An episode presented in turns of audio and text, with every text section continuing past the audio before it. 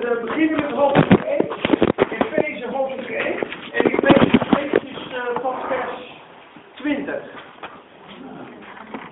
Gewoon om eens even lekker weer te herhalen. Je hebt het waarschijnlijk al 10 of 20 keer gelezen.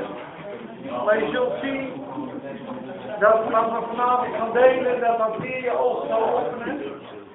Dat er weer een diepere laag in zit.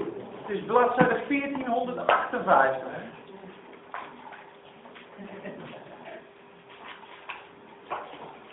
Dat is een hele mooie broek.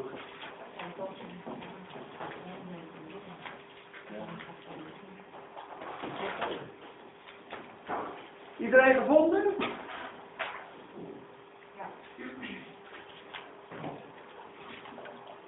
Paulus, een apostel van Jezus Christus, door de wil van God, aan de heiligen en gelovigen in Christus Jezus die in Efeze zijn.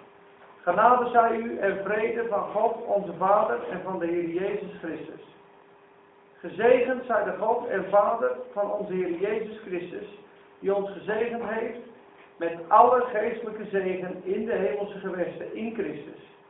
Omdat Hij ons voor de grondlegging van de wereld in Hem uitverkoren heeft, opdat wij heilig en smetteloos voor Hem zouden zijn in de liefde. Hij heeft ons voorbestemd om als zijn kinderen aangenomen te worden. Door Jezus Christus. In zichzelf. Overeenkomstig het welbehagen van zijn wil. Tot lof van de heerlijkheid van zijn genade. Waarmee hij ons begenadigd heeft in de geliefde. In hem hebben wij de verlossing door zijn bloed. Namelijk de vergeving van de overtredingen. Overeenkomstig de rijkdom van zijn genade. In die genade is hij, heeft hij ons overvloedig geschonken, die hij ons overvloedig geschonken heeft in alle wijsheid en bedachtzaamheid. Toen hij ons overeenkomstig zijn welbehagen, dat hij in zichzelf voorgenomen had, het geheimenis van zijn wil bekend maakte. Om in de bedeling van de volheid van de tijden alles weer in Christus bijeen te brengen, zowel wat in de hemel als wat op de aarde is in hem zijn wij ook een erfdeel geworden. Wij die daartoe voorbestemd waren. Naar het voornemen van hem die alle dingen werkt overeenkomstig de raad van zijn wil. Opdat wij tot lof van zijn heerlijkheid zouden zijn. Wij die al eerder onze hoop op Christus gevestigd hadden. In hem bent u ook, nadat u het woord van de waarheid, namelijk het evangelie van uw zaligheid gehoord hebt. In hem bent u ook toen u tot geloof kwam, verzegeld met de Heilige Geest van de belofte, die het onderpand is van onze erfenis, tot de verlossing die ons ten deel viel, tot lof van zijn heerlijkheid. Tot hier, tot hier is goed trouwens. Dat is uh, tot vers 14. Nou, ik heb uh, uh, heel vervelend, maar ik ga toch aanstippen vers 1, vers 1. Ik heb er weer over gebeden. Ik heb, ja? Vers 17 is heel prachtig. Voor vanavond? De avond. Ja. Oké, okay. met vervolging. Opdat de God van onze Heer Jezus Christus, de Vader der heerlijkheid, u geeft de geest der wijsheid en de openbaring in zijn kennis. Amen. Open ogen.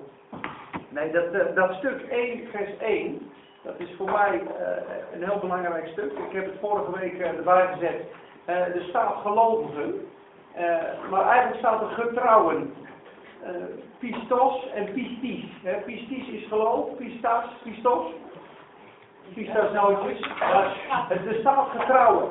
En ik heb hem erbij gezet in de King James versie, versie hoe die staat. To the saints which are at Ephesus and to the faithful in Christ Jesus.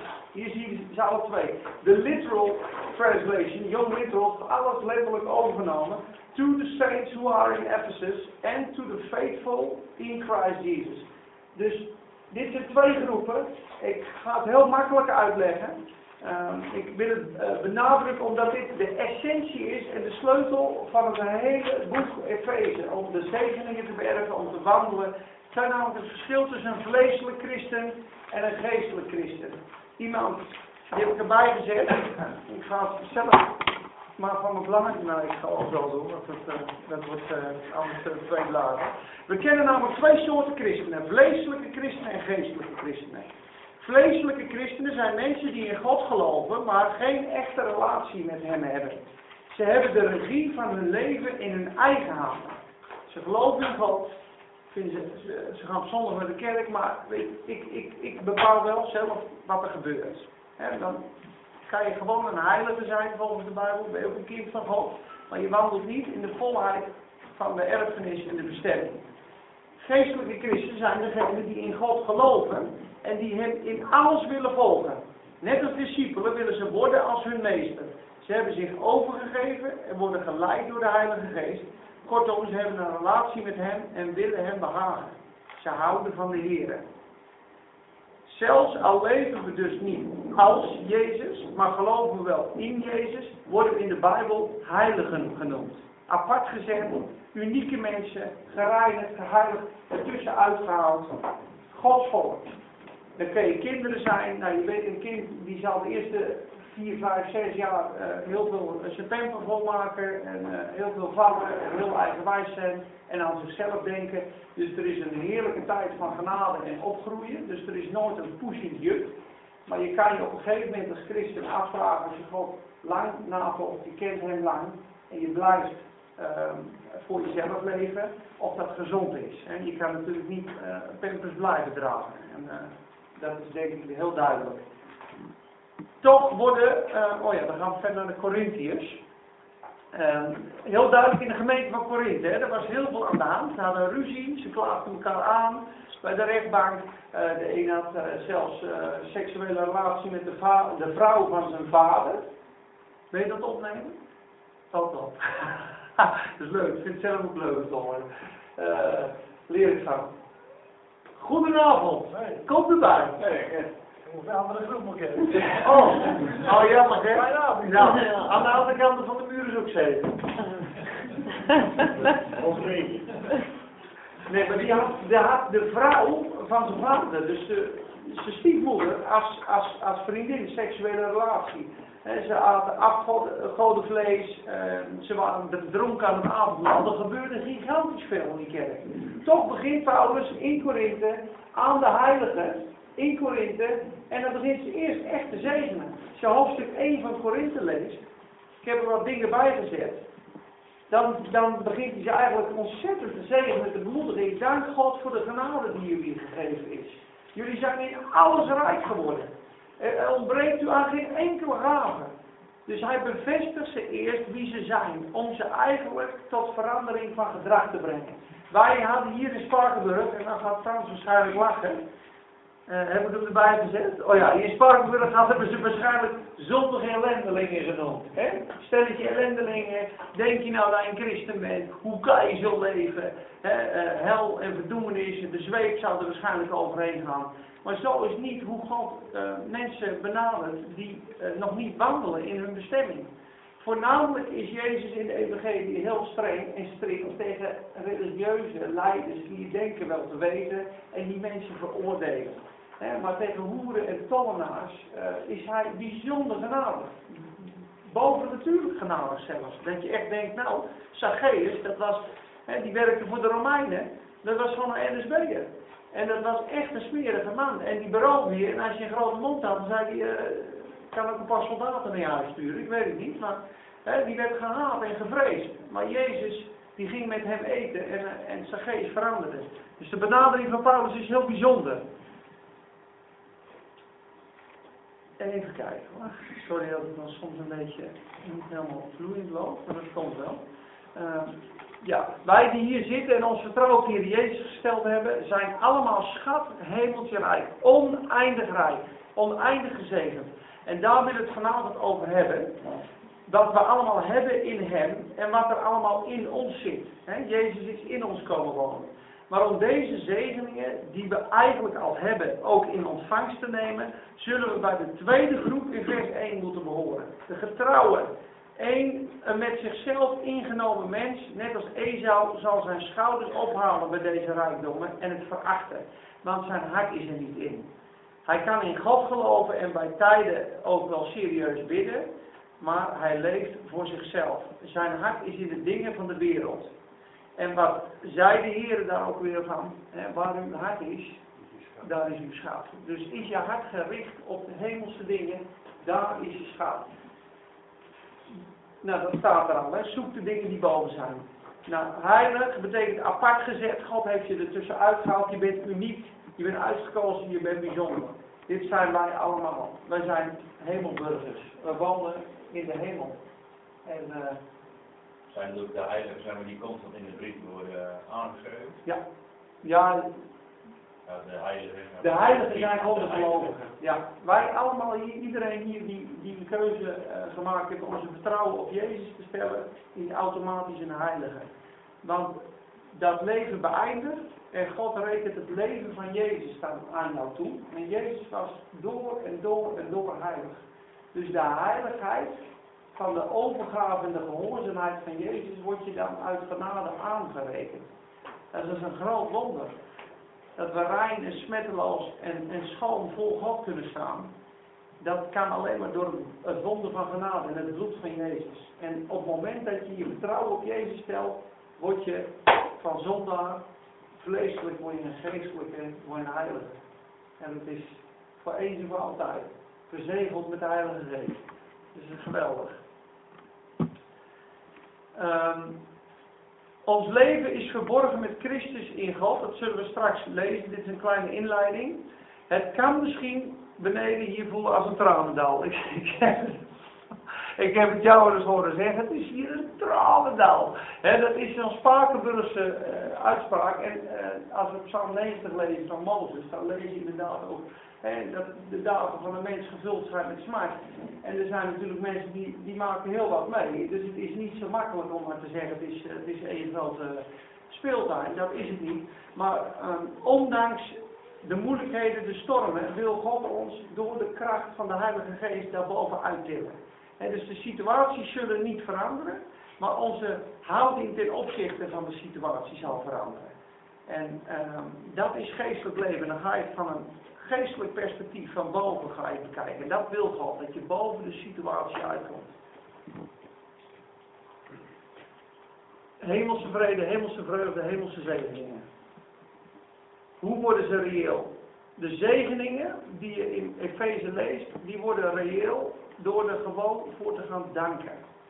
In geloof. Dank u dat ik gezegend ben met alle zegeningen in de hemelse gewesten. Dank u dat u mij uitgekozen heeft. Dank u dat ik uw kind mag zijn. Dank u dat ik bovennatuurlijke genade ontvangen heb. Dank u dat ik oneindig vergeven ben. Zo begint het te leven, want het geloof komt ook door het horen. Daarom zegt Hebreeën ook dat wij aan de beleidenis van ons geloof vast moeten houden. Nee, naarmate gij de dag ziet naderen. Dus spreek erover. Spreek onder elkaar in psalmen, geestelijke lieden, bemoedig elkaar. Laat uw woord altijd zijn met genade, bespreek het zout. Als je veel spreekt over wat hier staat, dus niet alleen leest, maar het ook spreekt. Jozua 1 vers 8, dit boek van de wet, hè, zal niet uit je mond weggaan, dan zal je uh, voorspoedig zijn in, in, in, je, in je leven.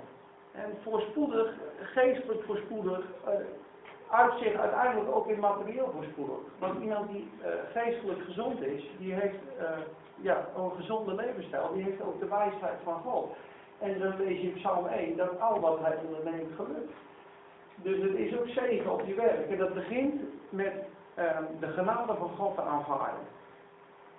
En zo wordt het echt, zo wordt het steeds meer realiteit. Je gaat erin leven, je straalt, je wordt vervuld met zijn liefde en vreugde. En je gaat beseffen, ik ben zo oneindig gezegend. Waarom? Om tot een zegen te zijn voor anderen. Daarom heeft God die zegen aan ons gegeven. Om van te genieten en om zijn heerlijkheid te weerspiegelen. Wat staat er nou eerder ook in de Bijbel? Van veel tegenspoed, veel rampen zijn een schone lot. Ja. En alle red die zich God heeft, Ja. dat wel. Tuurlijk. Maar je kan natuurlijk als vroom, kun je ook verschrikkelijke slagen. Ja, juist. Juist. Ik wil dus niet zeggen van, ik geloof. Dus eh, jongens, eh, de Nee. bankrekening is vet en Nee, en ik ben. Dus moet je niet in het Nee. geld wat geven, hè? Nee, maar dat zeg ik niet. Nee. Nee, maar Nee, daar is juist, goed begrijpen. juist staat er. Volgens mij is het juist andersom. Volgens mij is het zo dat juist gelovigen heel veel strijd ervaren. Ja, dat zegt hij. Waarom? Je bent waardevol voor God. Ja, en dat wil Satan niet. En eh, Kijk, de kapers die vallen geen leeg schip aan. Precies. Dus de zaken die vallen gevuld aan. Zit in de naam, hè? De wouter, nee, maar dat is helemaal waar. Want er staat ook, allen die godzalig willen leven in Christus Jezus, zullen vervolging kennen. 2 Timotheüs 3 vers 12. Belofte. Dat is een belofte. Dus dat nog mooier, Filippenzen 1, 29. Het is u uit genade gegeven, niet alleen om in hem te geloven, maar ook voor hem te lijden. Het is u uit genade gegeven om ook voor hem te lijden. Filippenzen 1 vers 29 wordt nooit gepreekt. Maar dat is geen leuke evangelie natuurlijk. Maar in het lijden ligt de heerlijkheid en de grote zegen. Dat is het. De vele rampspoeden van de rechtvaardigen die zijn hem om hem op Jezus te laten. Maar uit die alle redt hem de Heer. Handelingen 14, nog zo een. Nadat ze gepreekt hadden, bemoedigden Paulus ze en zei hij tegen de gelovigen dat wij door vele verdrukkingen in moeten gaan in het koninkrijk van God. Daartoe zijn wij gesteld. Lees 1 Petrus maar. En als je dat leert om in die moeilijke situaties God te blijven danken en denken, Heer, u hebt beloofd, u redt mij uit die oude. Dus ik kom hieruit. En u zal niet toestaan dat ik boven vermogen verzocht word. U staat het niet toe. Ik vertrouw u. Ik ga hieruit komen. Dat is de belofte van uw woord. En dan in dat geloof kan blijven staan. Dan komt de heerlijkheid van God. En dan zal je verheugen met onuitsprekelijke verheugen. Dat is boven de situatie uitgetild worden. Je hoort ook wel van mensen die juist in droeve situaties of met verlies of met ernstige ziekte. Dan denk ik, ik ben er nooit zo dicht bij God. Ja. Dat natuurlijk niet te wensen, maar dat is wel de ervaring. Ja, maar dan gingen we wel allemaal bidden om de ziekte nu. Nee. Nou, nee, maar soms wordt ziekte als zegen gebruikt, maar als, als het echt zo gezegend was, dan zouden we allemaal nu, hè, dan zou je bidden van, geef mij dan ook maar een ziekte, want dat, dat doe je ook weer niet meer. Dus God doet het bij tijd voor een specifie- een specifieke reden. En dat is, eh, daar heb ik een heel stuk over geschreven. Hoe is het bij je vriend? Goed zo. Oude tijd, hè? Ja, nee, ik kijk je zo strak nou, ik word... eh, Oké. Oh, nou, vers 2. Ik zal het je besparen. Ik geef wel even een mooie nugget. Genade en vrede zou u van God de Vader en van onze Heer Jezus Christus. Dat is ook weer een sleutel om de brief te ontvangen. Dat zie je in elke brief. Hè. Hij begint met genade en hij eindigt met de genade. Genade van onze Heer Jezus Christus. Zij, weet u ouden. Dus het christelijke leven begint met genade, wordt de hele tijd ondersteund door genade en eindigt met genade. Want anders verval je van de genade en word je wettisch, net als de Galaten, en gaat helemaal fout. Dus alles is geschonken om niet. Dus leef altijd met open armen, handen, zei iemand. Het is een leven niet van eh, eh, verkrijgen, maar van ontvangen van hem. En als je dat kan, weet je, dat, dat is nooit tegen natuurlijk. Hè? Want als God ons 4 tot 5 tot 6 keer wat gegeven heeft, dan komt ons natuurlijke leven zo ja, nu, nu is het wel genoeg. Nu, eh, hè, stel je voor dat je vier keer voor iemand betaalt, dan voelt het op een gegeven moment, eh, hè, als je vier keer voor iemand je eten betaalt, dan denk je bij de vijfde keer toch eh, een beetje onbeschoft. Om nou de vijfde keer nog, nog weer te hem te laten betalen. Maar God is oneindig rijk en wordt geëerd als wij ontvangen. Er staat volgens mij een vers in Psalm 116. Wat zal ik antwoorden op alle zegeningen die God mij gegeven heeft? Wat, wat, wat, moet ik teruggeven? En dan zegt hij, ik zal de beker van de dankzegging en de verlossing opnemen. Met andere woorden, ik zal nog meer ontvangen, want dat geeft een eer en glorie en heerlijkheid. Dus hoe meer je gezegend wordt, hoe meer genade je ontvangt, hoe meer God verheerlijk wordt. Het goed? Amen. Genade wordt wel eens eh, bestempeld als onverdiende gunst. Wat genade. Maar genade is veel meer als alleen onverdiende gunst. Ik hoorde een hele uh, prediker, Austin Sparks, van het boekje, die zei een keer, eh, ik zal het in het Engels doen, is leuk. En uh, unmerited favor. Uh, doesn't cut it enough. It's deeper, deeper, zei hij dan. En hij zei, ik zou het willen noemen demerited favor. Want hij zei, als je onverdiende gunst aan iemand verleent, dan zou het een neutraal persoon kunnen zijn, hè, die dus gewoon uh, bankroute is, en die genade verleent heeft. Maar die merited favor is de ergste crimineel, de ergste zondaar, de, de zaak waarvan je met je hoofd niet meer bij kan, en die God aan genade verleent en bovenop zijn vergeving een erfgenaam maakt. Zo groot is de genade. Die merited grace. Ik ben, ik ben nog op zoek naar een Nederlandse woord eh, daarover. Onverdiende genade. De, de verdiende genade klinkt niet, maar het is een hele diepe genade wat daar beschreven wordt.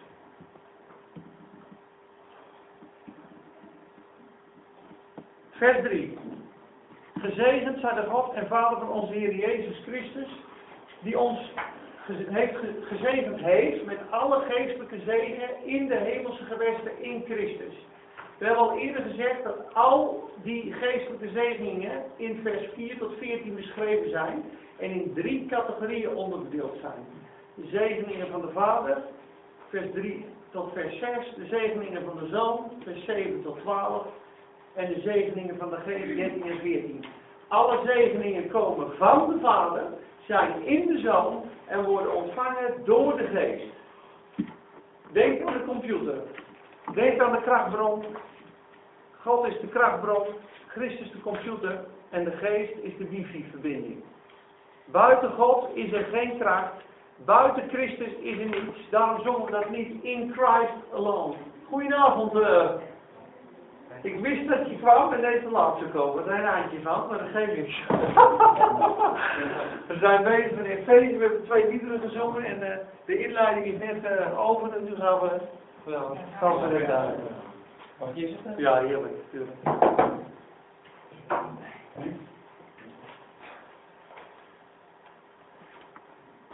En dit was, eh, ja, we zongen dat lied in Christ alone. Dat is alleen in Christus. God handelt alleen met Jezus.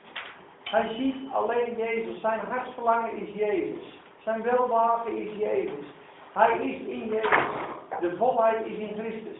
En wij, toen we tot geloof gekomen zijn, ik weet niet of iedereen eh, die hier zit zijn vertrouwen op God gesteld maar daar gaan we vanuit. Die is vanuit het vlees, vanuit buiten, degene die buiten zijn, zegt de Bijbel, naar binnen gekomen in Christus. Daar is je woonplaats. En daar ben je. En nu komen we bij de, bij de overdenkingen en daar gaat de avond over. Dit was gewoon een soort inleiding en we willen het vanavond hebben. ehm, waar wonen we? Eh, eh, waar is Jezus? En wat hebben we nou ontvangen? En hoe ontvang je het? Gewoon praktisch. Ik heb eh, als eerste vraag, waar zijn de ongelovigen? heb ik gezet Romeinen 7, vers 5. Dan kunnen we wel lezen, dat is wel goed om te lezen.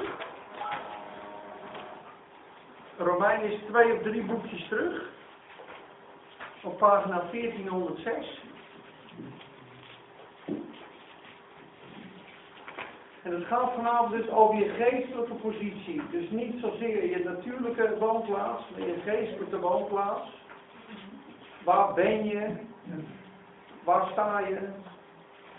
Shirley, kijk nog volgen. Ja. Ik zit te knipperen met de ogen die nu. Als ik te snel ga, moet ik even zeggen. Oké, super. Vers 5. Dit was eh, Frans, dit was Armenisch, dit was ik voordat we tot Jezus kwamen. En oh, Romeinen 7 vers 5 zegt, want toen wij in het vlees waren, waren de hartstochten van de zonde, die geprikkeld werden door de wet, in onze leden werkzaam om vrucht te dragen voor de dood. Dus hier staat, toen wij in het vlees waren. Dus ongelovigen zijn in het vlees. Dat is een staat. In het vlees, in de geest. In het duister, in het licht. In Adam, in Christus. In de zonde, in de rechtvaardiging. In de dood, in het leven. Buiten of binnen. Allemaal Bijbels. Als je één bladzijde, uh, nee, de volgende pagina, die hoeft niet om te slaan. Romeinen 8 is een essentieel vers. Romeinen 7 is dus een vleeselijke christen. De strijd in Romeinen 7 is voor mensen die net tot geloof gekomen zijn. eh, is Romeinen 7 een gouden hoofdstuk. Want daar zie je dus een persoon die heel graag God wil dienen, die heel graag een leven wil leiden zonder fouten, maar elke keer versnufferd gaat.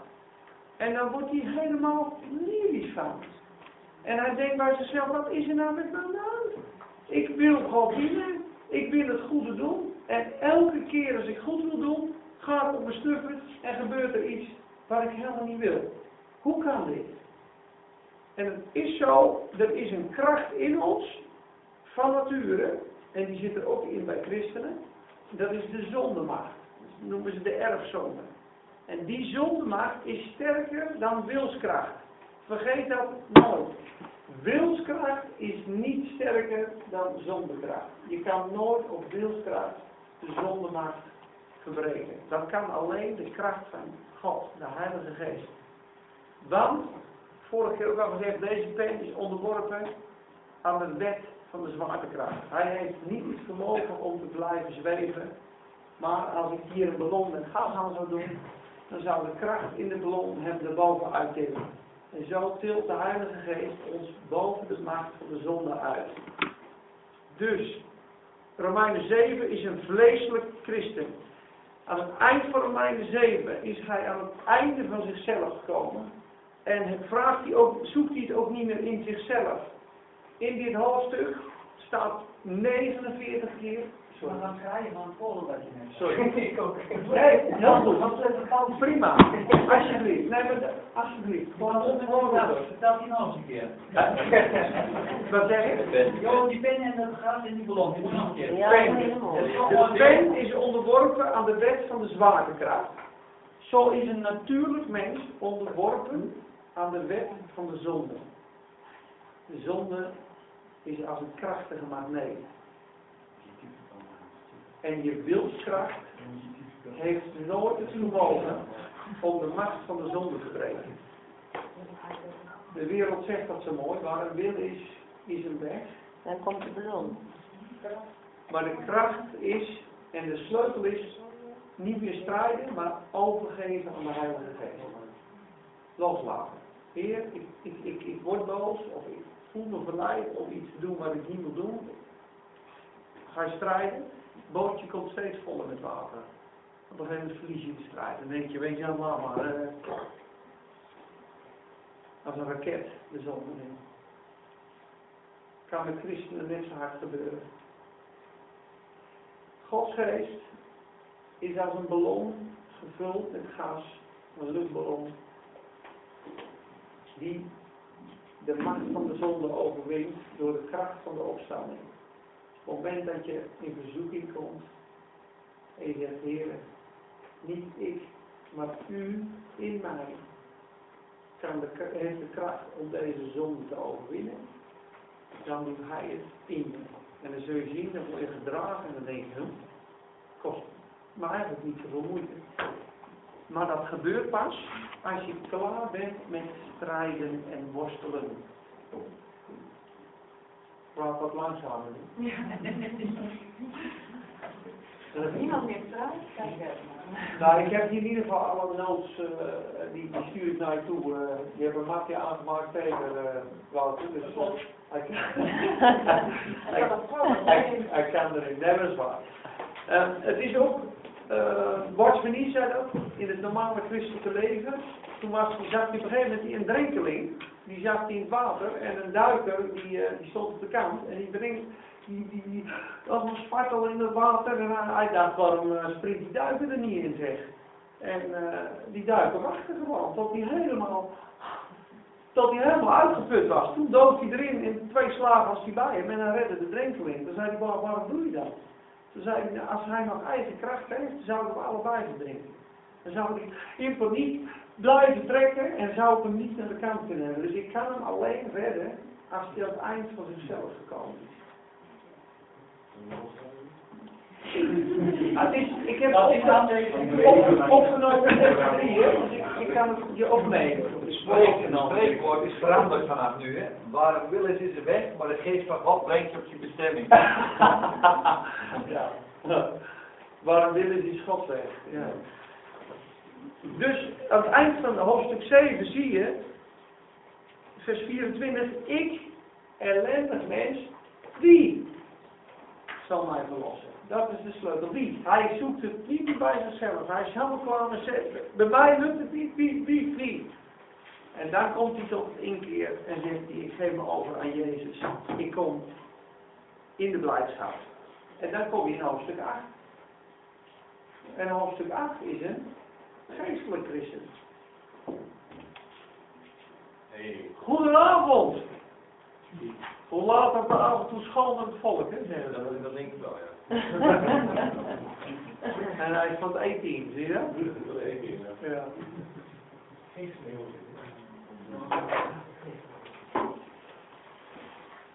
Trouwens, om uh, vijf voor negen trekt er iemand aan de bel. Ja.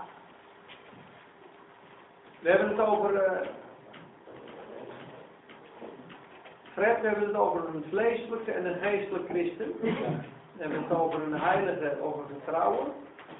We hebben het over Romeinen 7. Dus een strijd van een vleeselijk christen en Romeinen 8. En we zijn nu bij Romeinen 8 aangekomen. Romeinen 8 begint met die grote zegen. Er is nu geen veroordeling meer voor hen die in Christus Jezus zijn, die niet naar het vlees wandelen, maar naar de geest. Want de wet van de geest van het leven, dat is de luchtballon. Dat zul je straks lezen, dat is de luchtballon. De wet van de geest van het leven heeft mij vrijgemaakt van de wet van de zwaartekracht, van de wet van de zonde die de dood voortbrengt. Dus de wet van de zonde die dood voortbrengt is een sterke magneet die jou rukt naar de verkeerde kant. En de wet van de geest van het leven in Christus Jezus is de bovennatuurlijke genadekracht die je er bovenuit wil.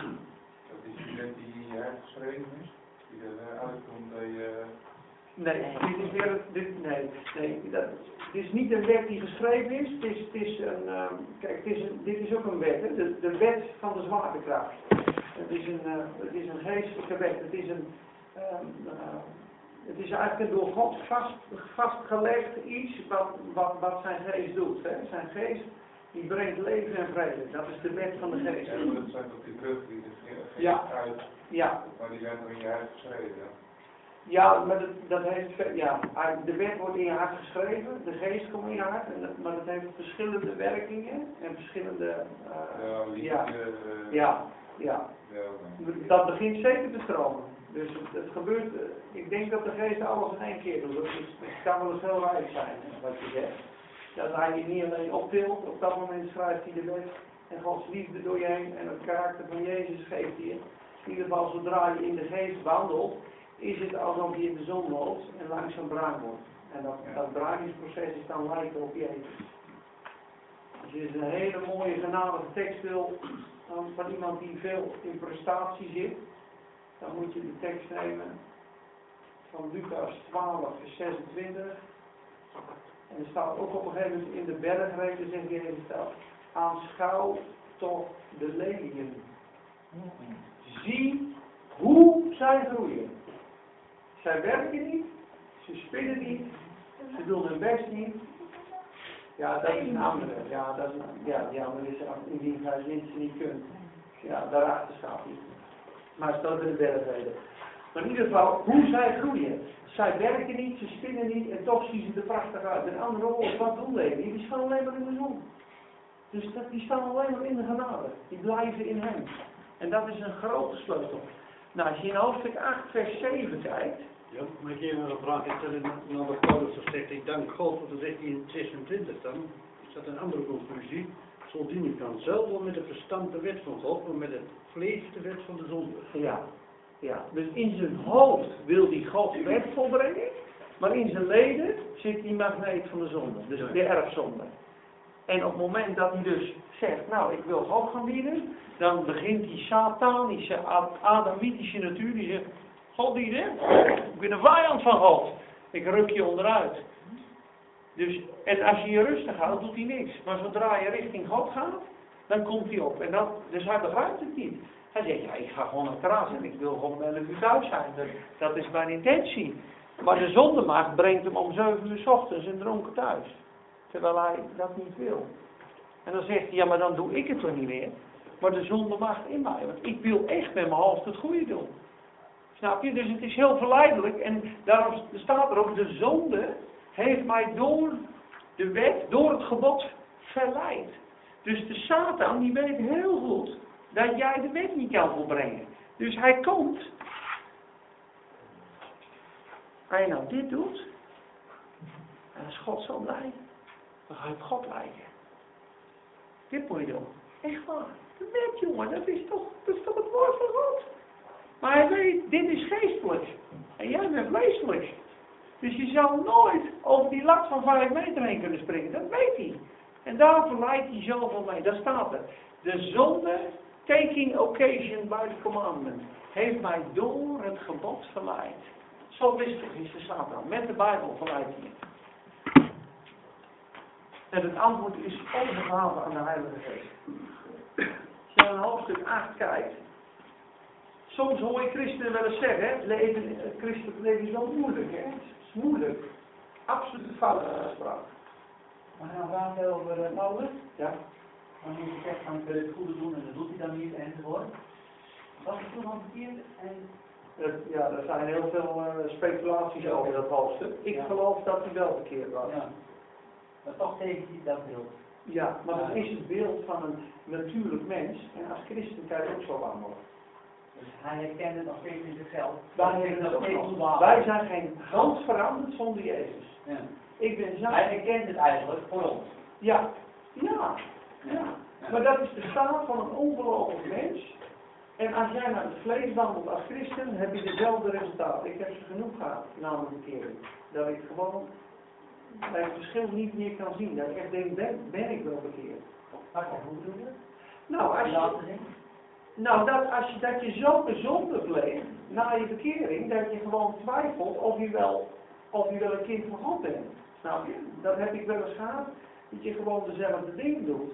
En denkt van ja, hoe kan dit? Hoe kan, hoe kan ik dit nog doen? Is dat Romeinen 7? Dat is Romeinen 7. Ja, dat is een vlees en een christen. Ja, dat kan. Dus een, een christen kan echt gigantisch hard op zijn bek gaan als hij niet uitkijkt. En die zou, die, die, ja, Je kan hoppen tussen 7 en 8. Ja. juist, juist. Ja. Als je dus, een, een, ik noem maar wat, je hebt woorden met je vrouw, je maakt het niet goed. Ja, die boosheid is een voet. Dan begint er daar wel iets te werken. Loop je daar twee dagen mee, ben je twee dagen later op een bruiloft, dan denk je, nou bij de vijfde borrel denk je, uh, die is er niet, ik neem er nog twee. Eh, en dan zegt iemand iets heel kwetsend tegen je, dan kan je zo ineens uithalen. Bewijzen van. Dat is jouw natuurlijke wat zei je? En dat is, ja, dat kan. Gebeuren. Daarom staat er ook. Dat was Saulus nog. Ja, dat is een meemaken weer. Maar daarom staat er ook in Efeze 4 staat dat, hè? Dat gij niet meer wandelt zoals de heidenen. Maar zo hebben jullie Christus niet leren kennen. Jullie zijn het gij heel anders. Het maakt niet, niet uit hoe ver we komen vanavond. Ik heb eh, vanmiddag eh, gezegd, van, weet je, we werken het gewoon af. Is het tijd, is het tijd. We gaan er goed, Is veel. goed is veel. Ja, less is more was het toch? Ja. Ja. Weet je heel erg, weet je Ja. heel erg goed verkeerd, maar elke week op deze 1, dat is duidelijk. Ja, maar die zitten wel in, hè, die. Dat is een sleutel. Doe je in de eeuwigheid VVRP? Ja, klopt. Nee, maar als de Heer het je laten zien, dan weet je het gewoon. Dan, dan, dan. Ik heb het van God zelf geleerd. Ja, vandaar. Vers, eh, oh ja, dat hoor je wel eens. Het christelijke leven is heel moeilijk. De foute uitspraak, het christelijke leven is onmogelijk. Zeg het maar, het is onmogelijk. Staat er. Vers 7 van Romeinen 8. In, immers het bedenken van het vlees is vijandschap tegen God. Dus al het logische denken, alles wat je bedenkt in je natuurlijke denken, is vijandschap tegen God. Het onderwerpt zich namelijk niet aan de wet van God. Want het kan dat ook niet. Zie het is onmogelijk. En zij die in het vlees zijn, ongelovigen, kunnen God niet behagen. Onmogelijk. Maar het bedenken van vlees, dat kan ook gewoon goede dingen zijn. Het bedenken des vlees is natuurlijk denken. Het bedenken des vlees is dus, dus en Jezus zegt ook tegen Petrus, ga achter mij Satanas, want ge ge bedenkt de dingen die van de mensen zijn. Ja, dat was niet eens de boerderij zo, maar het zal nu niet gebeuren dat u naar het kruis gaat. Gij zijt een aanstal tot mij. Maar hoe kun je het onderscheiden dan, zeg maar? Want als je goede dingen bedenkt, dan kun je ook denken van, hé, dat, dat, dat zijn dingen van God. Maar misschien is dat wel wat niet van God. Nou, maar, ja, alle goede gaven komen van God. Ik denk dat ook heidenen goede dingen doen, dat het een soort afspiegeling van God is, omdat ze naar Gods beeld geslagen zijn. Ja, maar ze zijn er in de zon. Dat wel. En al Maar het goede, ah, je kent ook wel echtpaar die gaan mensen helpen in Afrika, geen christelijke achtergrond, Ja, en die zijn gewoon dat het uitdelen. ja. En ben je de Bijbel, daar denk ik dat... weet de Bijbel horen erover, dat God ervan zegt? Natuurlijk. Want dat, dat is dus, zo heilig is dus God. Kijk, Jezaja 65. Hoop dat ik het goed zeg. 64, nee, 64, 6. Zo, hè? Jezaja 64, 6. En dan schrik je.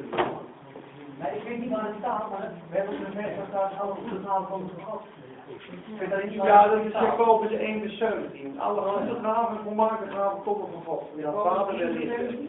Ja, Oké, en twee dat tegenover elkaar zit, dan 931. ja. Pagina 931. Ben je, ben je dat zes? Vers 6. Lees hem zelf maar eens voor. Paul. Isaiah 64, kijk nou. Oh, ik ben overal aangereikt. 64 steden. Even kijken hoor. 930. 931. Oh ja. Dat staat nogal wat.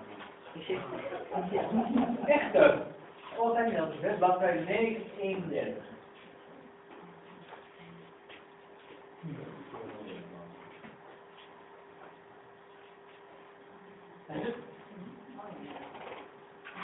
Vers 6, er staat, echter, wij zijn allen als een onreine, al onze rechtvaardige daden zijn als een bezoedeld kleed, wij vallen af als een blad, als een en onze misdaden voeren ons weg als de wind. Ja, dat is het.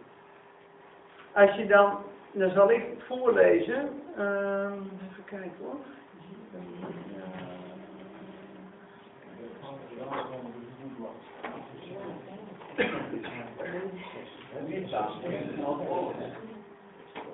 Al onze rechtvaardige daden zijn als een wegwerp. Bezoekelijk staat eigenlijk een maandelijkse bebloede lam.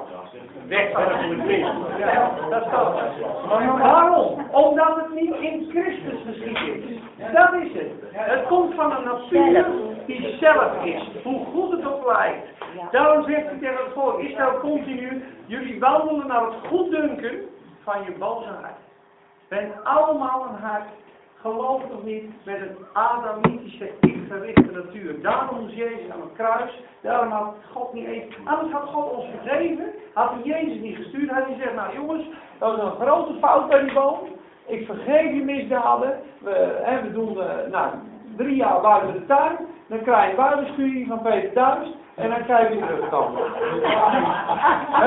Nee, daarom zeg ik eens tegen moslims, ik zeg, jullie, jullie, dat is krom, jullie worden één, je gelooft in Adam, hè, Satan, zonde, je bent gevallen, en nu moet je vijf keer bidden en een bepaalde dingen doen, en dan mag je weer terug. Ik zeg, nou, God had jullie ook gewoon in het paradijs kunnen houden, en pang, pang, pang, en dan vijf keer bidden en wat doen, en dan kan je weer terug. Maar wat is er gebeurd? De Satan is binnengekomen. We hebben een doodsnatuur gekregen. En die natuur, daar is geen hoop meer voor. God heeft gezegd, we eindigen die natuur. Een nieuwe. Niet meer te repareren. Daarom moest Jezus komen. Omdat we hopeloos verloren zijn zonder Jezus. Ook een humanist. Dan anders zou God gewoon zeggen, ik, ik vergeef je, ik ben een barmhartige vader. Maar hij kon niet anders doen dan ze zal zenden. Omdat wij opnieuw geboren moeten worden. Dat is de tweede Adam. Ja, de laatste Adam, heel goed. Maar weet je dan waar je boven staan? Nou, als je het goed vindt, sla ik hem even over. Want we komen namelijk op een, eh, op een belangrijk punt nu. Ja. De, nou, de ongelovigen zijn in het vlees en kunnen God niet behagen, dat is duidelijk. Waar zijn de gelovigen? Ik ga er even wat sneller doorheen. Romeinen 8, vers 9. Gij zijt niet meer in het vlees, maar in de geest. Dat is je nieuwe staat. Indien de geest van Christus in u is komen wonen. Dus op het moment dat je tot geloof komt, krijg je de Heilige Geest. En dan ga je van vlees naar geest, van Adam naar Christus. En leef je net zo lang als Christus zelf. En dat is eeuwig. Waar is Jezus nu? Een vraag. Aan de rechterhand van God. Nou, Hebreeën 8 vers 1, daar staat hij aan de rechterhand vast. Nou, waar is Jezus nu? Ons. Ook, Bij de Vader. waar ben jij nu? In Christus. Waar is Christus? In mij. En waar zit Jezus? Aan de rechterhand. In de? In de hemel. Waar ben jij? Ik ook. Amen. Dat is dat, hè? We zijn in Christus en Christus zit aan de rechterhand Gods. Dus wij zitten ook in Christus. In de hemelse gewesten. En je ziet alleen die verdeuging al. Nee. Nee. Maar dat is nu het geheim. En dan lezen we, en dan, dan stoppen we daarna. Dat is het mooiste, dat is een hele moeilijke tekst, maar het is wel leuk. Johannes 3, vers 12 en 13. Dat is echt leuk, dit. Als je dus, eh, als je dus van vlees naar geest wil gaan, dat gebeurt dus ook met die Nicodemus in dat stuk. Dat is een leraar in Israël. In de nacht kwam 1321. 1321. Ik vind het trouwens fijn dat je er bent, eh. Ik denk, eh ze komt niet meer, dat wordt eh bijles. Nou, het is, sommige dingen, ik praat, ik praat vrij snel en voor ons is het wat, wat makkelijker eh ineens te begrijpen. Ik vind het wel super dat je bent. In ieder geval, Nicodemus was dus een grote leraar in Israël. En die kwam des nachts stiekem naar Jezus toe. Die, wou, die had toch wat gezien bij Jezus, die zag wat wonderen en die denkt, nou, dat, dat moet hem wel zijn.